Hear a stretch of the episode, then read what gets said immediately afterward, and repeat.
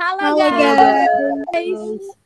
Kenalin, kita kelompok 6 mata kuliah anti korupsi dari Universitas Paramadina. Nah, sebelum dimulai, kita perkenalan dulu gimana? Boleh, boleh. Dari siapa dulu nih? Dari gue dulu dong. Nah, oke. Nama gue Fani Zahrani, biasa dipanggil Fani dari Prodi Ilmu Komunikasi. Yuk, selanjutnya yuk. Kalau gue, Wileni Safira Gasani, biasa dipanggil Tira. Gue dari Prodi Hubungan Internasional.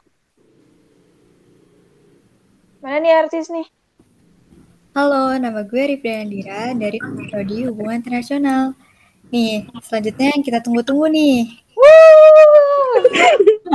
Hai guys, kenalin gue Kalisi Sativa dari Prodi Hubungan Internasional, biasa dipanggil Kal.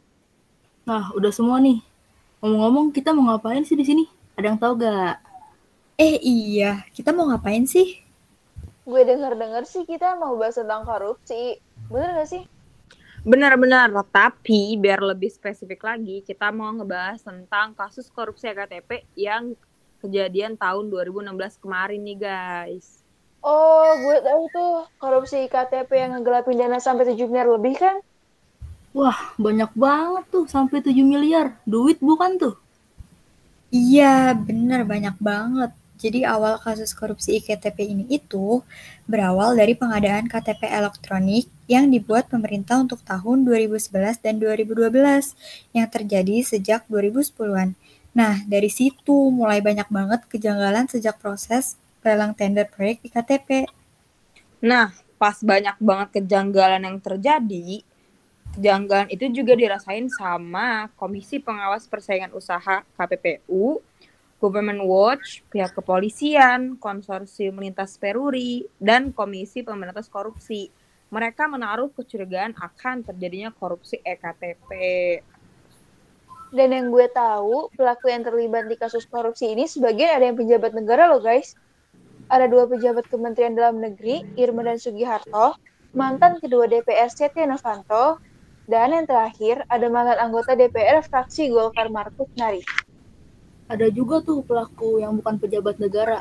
Contohnya kayak pengusaha Andi Narogong, Anang Sugiana Sudiharjo, dan Made Oka Masagung. Terus ada juga keponakan dari Setia Novanto, yaitu Irvanto Hendra Pambudi Cahyo. Oh gitu. Tapi setahu gue para pelaku juga ditahannya beda-beda tempat loh guys. Kayak Kementerian Dalam Negeri Sugiharto.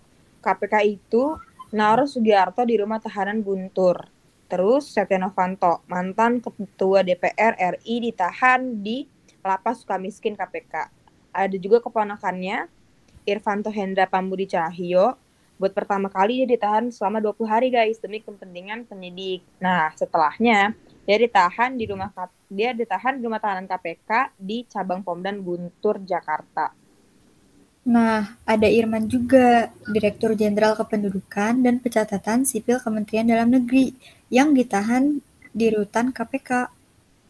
Setahu gue, di saat ada korupsi gitu pasti banget ada namanya sidang pra peradilan. Nah, sidang pra peradilan buat kasus korupsi EKTP ini tuh dilaksananya tuh pada hari Selasa 12 September 2017 tuh. Pas mau sidang pra peradilan di sini banyak banget kejanggalan yang dibuat oleh Setia Novanto. Setia Novanto saat itu dalam keadaan sakit dan minta sama KPK buat menggeser jadwal sidang menjadi tanggal 20 September 2017. Nah, karena jadwalnya digeser lagi jadi Senin 18 September 2017, KPK memanggil lagi Setia Novanto ke gedung KPK buat diperiksa sebagai tersangka. Tapi lagi dan lagi Setia Novanto kembali menggeser jadwalnya sama kayak panggilan pertama guys. Novanto tidak hadir lagi dengan alasan kalau dia sakit terus dibawa ke rumah sakit Premier Jakarta buat ngejalanin kateterisasi jantung.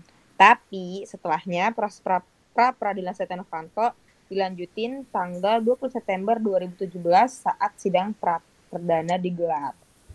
Kira-kira cara pelaku ngelakuin korupsi EKTP gimana ya guys? Wah, kenapa nanya gitu? Mau Wah, ikutan bener-bener korupsi nih. juga nih, bener-bener ya. Mau ikutan Tahu nih nih. Tahu parah nih dia.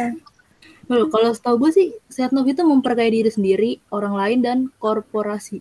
Novanto tuh mendapatkan 7, juta dolar Amerika atau setara ya kalau dirupiahin sih 65,7 miliar dan jam tangan Richard Mille seharga eh, kira-kira sih 1,8 miliar Terus juga kalau Sugiharto dia melakukan penyalahgunaan wewenang dan melakukan suap pada proyek EKTP di DPR untuk tahun anggaran 2011 sampai 2013. Kalau dari Andi, dia meloloskan anggaran 5,9 triliun rupiah. Baik banget ya? Itu tuh Banyak cuma buat pembuatan KTP elektronik dan biar rencananya berhasil, dia membagi, membagikan uang kepada para petinggi dan anggota Komisi 2 DPR serta badan anggaran. Nah guys, sedangkan dari Markus Nari, ia berperan dalam penambahan anggaran IKTP di DPR dan diduga meminta uang sebanyak 5 miliar kepada Irman dalam pembahasan perpanjangan anggaran IKTP sebesar 1,4 triliun. Di samping itu, ia juga diduga telah menerima uang sebesar 4 miliar berupaya menghalangi penyidikan yang dilakukan oleh KPK dalam menguak kasus IKTP dan diduga mengaruhi anggota DPR Miriam S. Haryani untuk memberikan keterangan yang tidak sesuai dengan kenyataan. Nah, teman-teman, dari kasus korupsi EKTP ini kita bisa ambil hikmahnya banget dong. Di balik di baliknya bahwa sifat tamak hanya akan merugikan banyak orang nih, guys. Kira-kira ada nggak sih nilai-nilai anti korupsi yang bisa mencegah kita dari perilaku korupsi tersebut?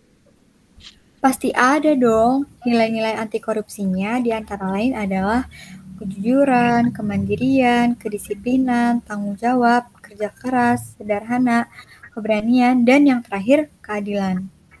Nah, untuk selanjutnya kita semua berharap semoga kasus eh, korupsi EKTP ini tidak terulang kedua kali di Indonesia ya. Amin. Amin. Semoga ya, guys. Hmm. Ya, sayangnya podcast kita cukup sampai segini dulu ya, guys. Buat teman-teman yang udah ngeluangin waktunya, makasih banyak ya. Semoga informasi yang kami berikan bisa menambah wawasan kalian dan semoga bermanfaat ke depannya. Oh iya, maaf juga ya kalau kita ada salah kata ya teman-teman. Thank you for listening. Sampai jumpa di podcast selanjutnya. Dadah! Yeay! Yeay.